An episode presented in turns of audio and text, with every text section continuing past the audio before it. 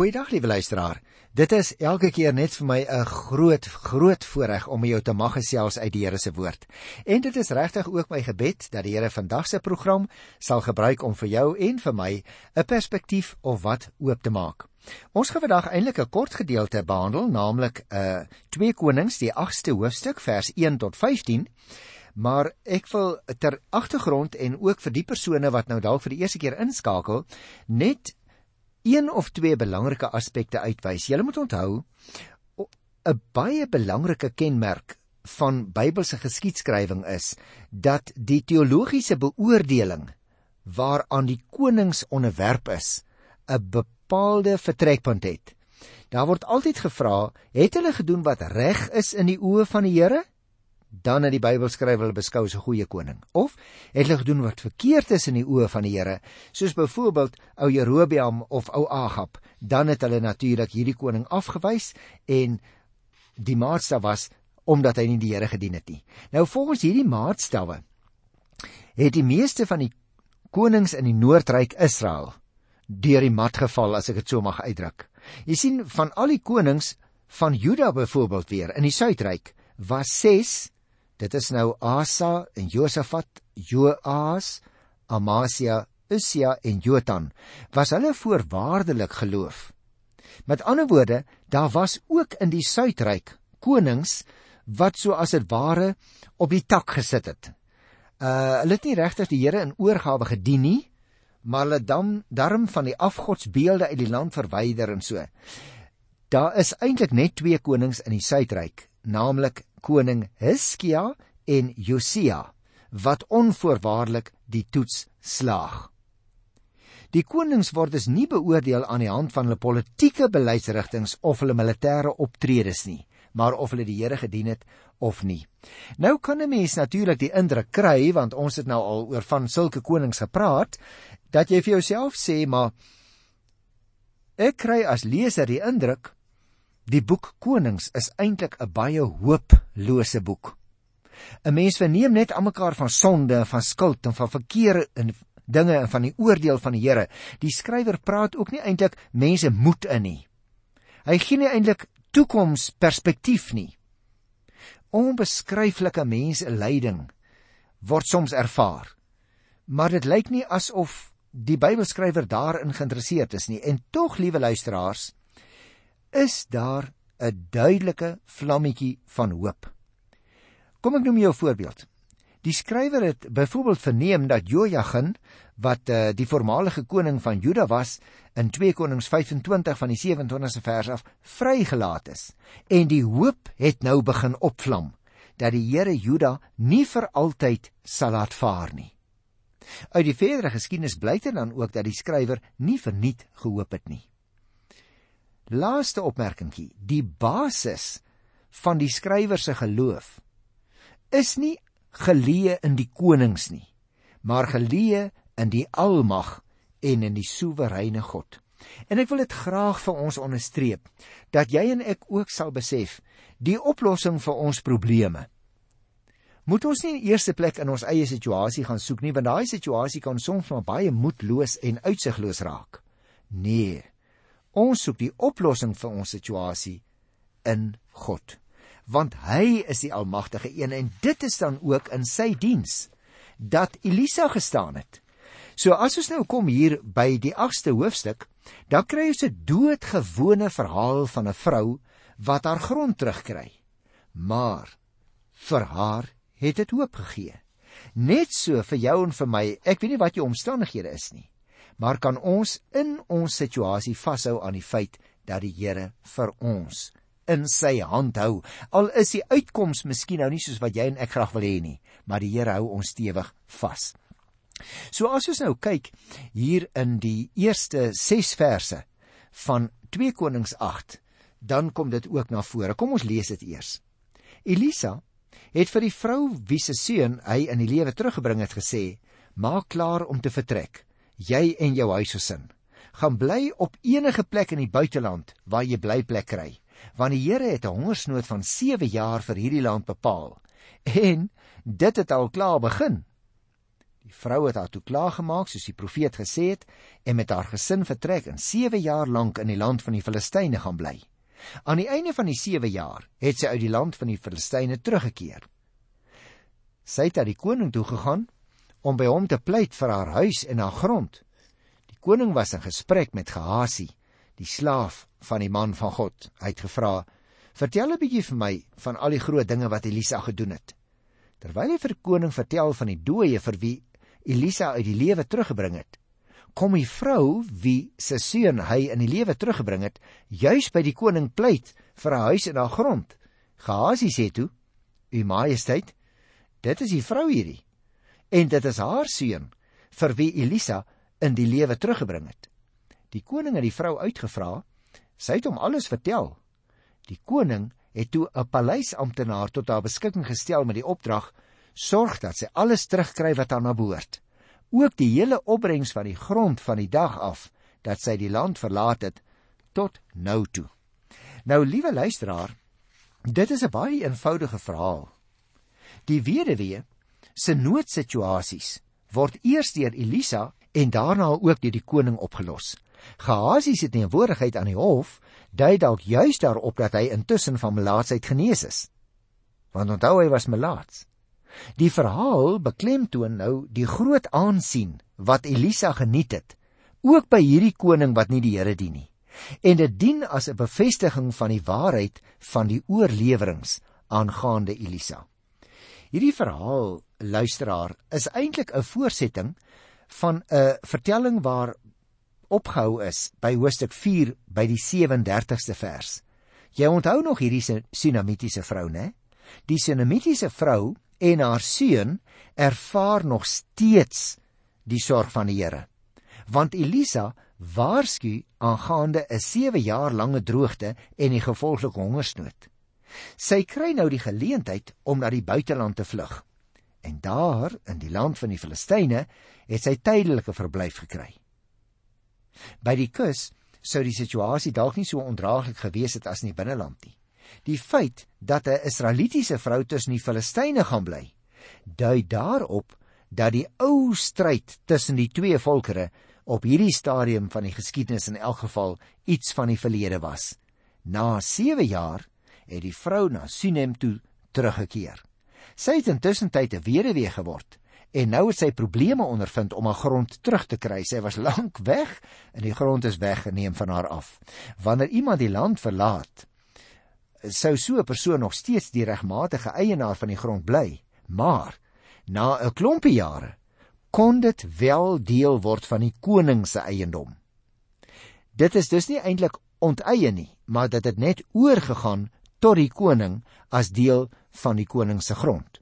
Die vrou is nou op pad na die koning toe om haar huis en haar grond te gaan probeer terugkry. Dit kan ook wees dat die vrou haar huis haar grond verhuur het en dat die huurder dit dalk nie aan haar wou teruggee nie. En daarom het sy nou die koning se hulp gaan inroep. So die presiese situasie is nie vir ons duidelik nie. Die die feit wat vas staan is haar grond en haar huis is nie meer in haar besit en tot haar beskikking nie. Nou op die tydstip so toe sy nou die paleis betree, was die koning Heel waarskynlik was dit Jehu, maar ons is nie baie seker daarvan nie. Was die koning in gesprek met Gehazi oor sy heer Elisa. Die teenwoordigheid van Gehazi is natuurlik vir ons baie vreemd hier. Hy het immers laats geword en hy moes die diens van Elisa verlaat. So het ons gelees in Hosea 5 vers 27. Die vraag is nou, nou wat maak hy nou op hierdie stadium hier by die koning? Het hy hom voor die Here verootmoedig en is hy van sy siekte genees of of is dit 'n ander persoon met dieselfde naam wat later Elisa se slaaf geword het? Want jy sal onthou, liewe luisteraar, Gehazi was nie aanvanklik melaats nie. Maar hy het die Here probeer bedrieg want hy wou homself verryk nadat die generaal uit die buiteland wat die Here nie gedien het nie met die naam van Naaman genees is toe hy hom op Elisa se opdrag in die Jordaan gaan bad het. Toe het hy besluit maar ek gaan vir ek gaan vir Elisa 'n uh, 'n klomp presente gee. maar Gehazi wat in Elisa se diens was, het geweet Elisa gaan dit nie aanvaar nie en toe het hy 'n leuen vertel. Hy het blaatant gelieg en hy het vir Naaman gesê: "Mag gee maar die geskenke, ek sal dit deurgee aan die koning," wat hy toe nie gedoen het nie. En toe het Elisa 'n vloek oor Gehasie en sy nageslag uitgespreek dat hulle melaats sou word. En daarom is dit eintlik baie vreemd uh, dat ons hom hier aantref. Hoe weet hy byvoorbeeld van die genesing van die Sinemitiese seun? Hoe dit ook al sy liewe luisteraar, terwyl hy van die groot dade van Elisa praat, kom die Sinemitiese vrou juis by die koning aan. En sy kon Gehasie se woorde bevestig. Sy kon vir die koning sê: "Koning, as dit dan nou hier is," sy kon vir hom sê: "Koning, hier, dit is waar." Nadat die koning nou na haar saak geluister het, het hy 'n paleisamptenaar tot haar beskikking gestel om haar te help en so het die vrou haar grond teruggekry. Miskien liewe luisteraar net 'n laaste gedagte. Dalk het Gehasie nadat hy met Malaatsheid getref is, tot berou en tot oorgawe en tot skuldbeleidnis voor die Here gekom. Dalk is hy genees op hierdie stadium. Miskien het hy ook 'n skuldige gewete gehad en daarom kon hy intree vir hierdie vrou nadat hy aanvanklik so grootliks verbrou het. As jy dalk na die program luister, liewe luisteraar, vir jouself sê, "Maar my, my lewe is ook so krom. Ek het so baie dinge gedoen. Hoe kan ek die Here in die oë gaan kyk?" Wie dan wil ek vir jou op grond van hierdie verhaal onder andere daar's ook ander Bybelgedeeltes uitnooi en vir jou sê vir die Here is geen sonde ooit te groot nie. Kom terug na hom toe. Bely jou skuld en wie wat hy sal vir jou nuut maak van binne af uit nuut maak. Hy sê jou totaal vergewe. Psalm 103 vers 12 sê sover as die ooste verwyder is van die weste, met ander woorde twee punte wat nooit bymekaar kan kom nie. So ver verwyder hy my oortredinge van my. Hy vat my oortredinge, hy sit dit aan die linkerkant neer. Hy vat my, hy sit dit aan die regterkant neer en tussen my oortredinge en my is die kruis van Jesus Christus wat verhoed dat enige iemand ooit weer daardie oortredinge teen my kan inbring as 'n klag. Nou goed, dit is die eerste gedeelte wat ons hier kry in 2 Konings hoofstuk 8. Dit bring my by die 7de vers en daarom die tweede gedeelte van die hoofstuk waarby ek dan nou baie graag ook so 'n bietjie wil stil staan. Die opskrif daarvan in die Bybel is Gesael word koning oor Aram. Ter agtergrond wil ek dalk net eers vir jou die verhaal so bietjie vertel. Uh dan verstaan ons dit net beter wanneer ons dit lees. Jy sien, destyds sal jy onthou het Elia nog die opdrag ontvang om Gesael tot koning te salf. Elisa se aankondiging in hierdie gedeelte aan Gesael dat hy koning sal word, dien nou dieselfde doel. daarmee het Elisa die werk van Elia voltooi. En so bevestig hy dat hy die werklike opvolger is van die befaamde profeet voor hom, naamlik Elia. Jy kan gerus weer gaan kyk as jy wil in 1 Konings 19 by vers 15. Daar sal jy uh, dit ook aangeteken vind.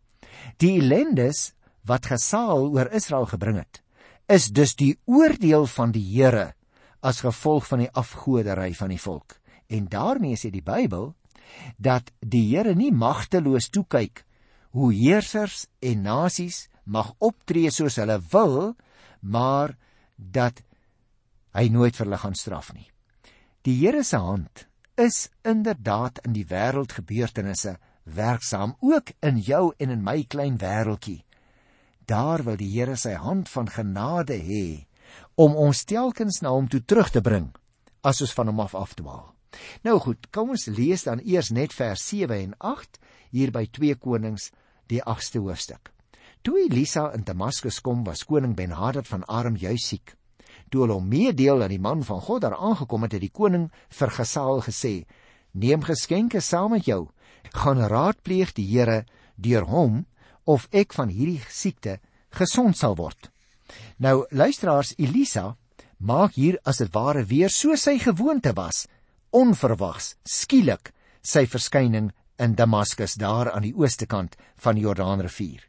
Hy het van Ben-Hadad se siekte verneem en nou het hy gekom om die nuwe koning aan te wys.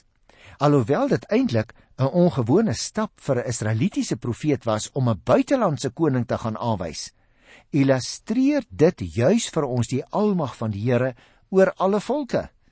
Dis 'n wonderlike voorbeeld wat ons hier in die Bybel het, dat die Here sy profeet stuur om daardie ongelowige koning daar aan die oorkant uh in Damaskus te gaan salf as koning. Nou hierdie gebeurtenis, liewe luisteraars, moes eers tussen die jaar 846 en 842 voor Christus plaasgevind het. Elia was nou ten tye van Ben-Hadad se siekte reeds baie bekend in Damaskus en daarom word soos wat hy hier genoem word die man van God dadelik geraadpleeg. Hy stuur nou vir Gesaal om dit namens hom te doen. Geen besonderhede word uh, oor hierdie man verstrek nie. Volgens die Assiriese teks word hy die seun van niemand nie genoem, kan jy jou voorstel. En die benaming is gewoonlik gebruik vir 'n politieke revolusionêr in daardie tyd. Soos die geval van Amon word ook 'n groot hoeveelheid geskenke saamgeneem. Jy moet onthou Damaskus was in daardie tyd 'n baie beroemde stad in die ou tyd en 'n baie belangrike handelsentrum. By die oase van Damaskus is die allerheerlikste vrugte aangetref en die plek is later deur Mohammed met sy paradys vergelyk. Nou ja, luisteraars, ek vermeld maar net hier Mohammed omdat dit 'n interessante verwysing is na 'n plek waarvan ons ook lees in die Bybel. En dan kom ons nou hier van vers 9 tot by vers 15. Gesaal het hom tegemoet gegaan met geskenke van allerlei pragtige Damaskusware, 'n vrag vir 40 kamele. Hy het by hom gekom voor hom gaan staan en gesê: "U dienswillige koning Ben-Hadad van Aram het u na my toe gestuur om te vra of hy van sy siekte gesond sal word." Elisa het vir Gesaal gesê: "Gaan sê vir jou koning hy sal nie gesond word nie, want die Here het aan my bekend gemaak dat hy sal sterwe." Die man van God het vir Gesaal met 'n strak gesig aangekyk totdat hy verleë geword het. Toe Elisa in trane uitgebars. "Waarom huil u?" Het Gesaal gevra. Elisa het geantwoord: "Omdat ek weet watter kwaad jy die Israeliete gaan aandoen. Jy sal hulle vestings in vlamme laat opgaan, hulle jong manne doodmaak, hulle kindertjies verpletter, hulle swanger vrouens oopsny." Maar Gesaal het gesê: "Ek het nie enige mag nie. Hoe sou ek so iets kon doen?" Elisa het geantwoord: "Die Here het aan my bekend gemaak dat jy koning oor Aram gaan word." Gesaal het van Elisa af weggegaan en by sy koning gekom en dit hom gevra: "Wat het Elisa vir jou gesê?" Gesaal antwoord toe: "Hy het vir my gesê u sal lewe." Kyk hoe lieg hy. Die volgende môre het Gesaal 'n doek gevat, dit in water gesteek en oor die koning se gesig getrek en die koning het gesterf. Gesaal het hom as koning opgevolg. Jy sien hoe wreedaardig hierdie man was. Dit was natuurlik nie vreemd in daardie tyd nie. Maar hy vertel vir die koning, die profeet Elisa sê u gaan gesond word en dan vermoor hy hom sodat hulle hom die volgende oggend dood aantref. Ek wil miskien in aansluiting hierby uh, net agtergrond gee, liewe luisteraar, net soos na Aman daar in die 5de hoofstuk, is Ben-Hadad ook bereid om hulp te soek by die God van Israel. Gesaal besoek nou vir Elisa namens die koning en hy verneem dat Ben-Hadad gaan sterf. Terwyl hy dan met Gesaal praat, het Elisa se gesig verstrak. Hy sien 'n nuwe visioen wat wil beskryf hoe Gesaal nog vir Israel gaan mishandel. Ooreenkomstig die destydse oorlogsgebruike sal Gesaal vestings in vlamme laat opgaan. Hy sal jong manne doodmaak, hy sal kinders verpletter, hy sal swanger vroue oopsny. Nou hierdie gebeurtenis was natuurlik bedoel om die oorwonne volke so effektief moontlik uit te roei. Daarom het mense so wreed omgegaan met onderdane wanneer hulle 'n nuwe koning geword het. En nou sien Elisa reeds in sy geestesoog, dit is presies wat hierdie man Gesaal gaan doen as hy koning word. Elisa weet Gesaal sal optree as 'n instrument van God om sy ontrou volk te straf. Maar nogtans bars die profeet in trane uit. Gesaal is nou verbaas oor Elisa se aantuiging en hy verklaar dat hy self oor geen mag beskik nie. Maar nadat hy nou meegedeel is dat hy die volgende koning gaan word, gaan hy dadelik terug na Ben-Hadad, die huidige koning, en by die paleis aangekom, doen hy twee dinge. Nommer 1, hy deel die koning verkeerdelik mee in vers 10 deur vir hom te sê die profeet sê u gaan lewe. En tweedens, neem hy dan 'n nat doek en hy trek dit oor Ben-Hadad se gesig sodat hy versmoor. Nou is die vraag natuurlik vir jou en vir my liewe luisteraar, moet ons die aksie positief of negatief interpreteer? Het Gesaal nie dalk uit mensliewendheid opgetree nie? Met ander woorde, was hy nie vir hierdie ou jammer en nou gee hy hom 'n genade dood nie. In hierdie tyd luisteraars waar genade dood weer so in die kalklig is, wou hy dalk die koning aan die ander kant eers gerusstel dat hy daarom vir hom sê hy sal lewe. Wou hy uit medelee die koors breek? Het hy daarom die doek nat gemaak en dit oor die boonste gedeelte van die koning se gesig getrek? Hy het tog geweet dat hy gaan koning word en geen rede het dus bestaan om hom aan enige gemeene daad skuldig te maak nie. Maar Gesaal se optrede moet nie so verstaan word nie. Hy kon nie wag om koning te word nie en daarom wou hy Ben-Hadad so gou moontlik uit die weg ruim. En om geen agterdog te wek nie, verklaar hy nou voor almal dat die koning sal leef, maar benut agteraf sy kans om Ben-Hadad te versmoor. Jy sien, ten spyte van hierdie verwerplike optrede beklemtoon die verhaal steeds vir ons die Here is in beheer van al die volke en hulle konings en dat hy sy doel met mense en volke op sy manier en op sy tyd bereik. En daarom, liewe luisteraar, wil ek graag in plaas van op so 'n donker noot soos die daad van hierdie man ten slotte 'n paar opmerkings maak oor Elisa, want Ons het nou al gesien Elisa het wonderlike instrument van die Here gewees by verskillende geleenthede.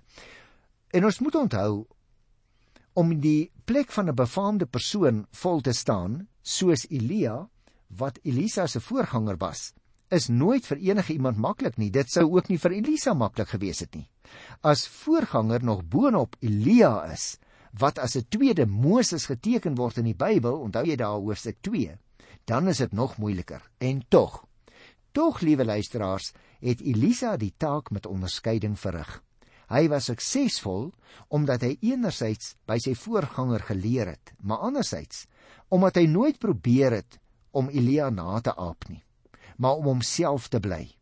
Anders as Elia miskien was hy nie 'n alleenloper nie, maar hy dikwels met die profete kommunis geassosieer geraak. Alhoewel hy ook soms met volkskrisisse gemoeid was, is daar meer opgeteken oor sy bemoeienis met krisisse en probleme wat 'n mens in die alledaagse lewe teekom elke dag soos jy en ek.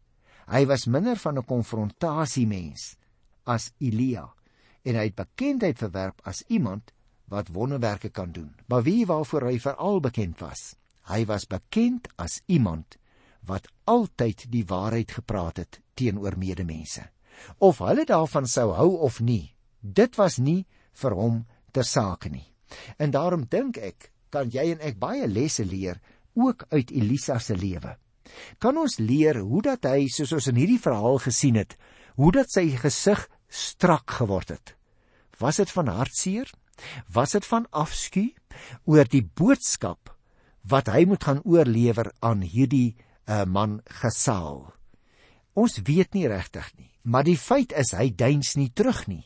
En so kom daar ook in jou en in my lewe oomblikke dat ons nie die waarheid vir iemand moet verswyg nie. Dit was vir my baie swaar elke keer in my bediening nog wanneer ek aan iemand 'n doodstyding moet gaan oordra. Nog erger wanneer ek soms vir mense moet gaan sê jou geliefde is op sterwe. Hy of sy het kanker of 'n geweldige siekte. Maar hulle gaan dit nie maak nie. Maar weet jy, liewe luisteraar, die geheim van dit alles is dat jy en ek in die teenwoordigheid van die Here sal lewe. Dat ons die genade draers sal wees. Al is dit ook in 'n situasie wat ons nie verstaan nie. Dalk is daar iemand vir wie jy vandag moet gaan sê, ek verstaan nie jou situasie nie. Ek het nie vir jou 'n verklaring nie, maar ek kom jou verseker, in hierdie omstandighede is die Here by jou. Ek groet jou in sy wonderlike naam tot volgende keer. Tot dan. Totsiens.